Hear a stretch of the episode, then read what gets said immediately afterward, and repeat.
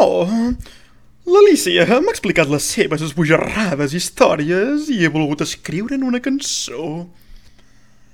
Abans que em marxessin les idees del cap, he anat a l'escriptòrium a buscar una ploma i tinta i a la biblioteca a buscar una llibreta de partitures. Això deurien ser cap a dos quarts de nou. Quan he anat a l'escriptòrium estava completament buit i tranquil. En canvi, mentre buscava el llibre a la biblioteca, ha entrat amb Filias Foc, que amb una cara d'irritació...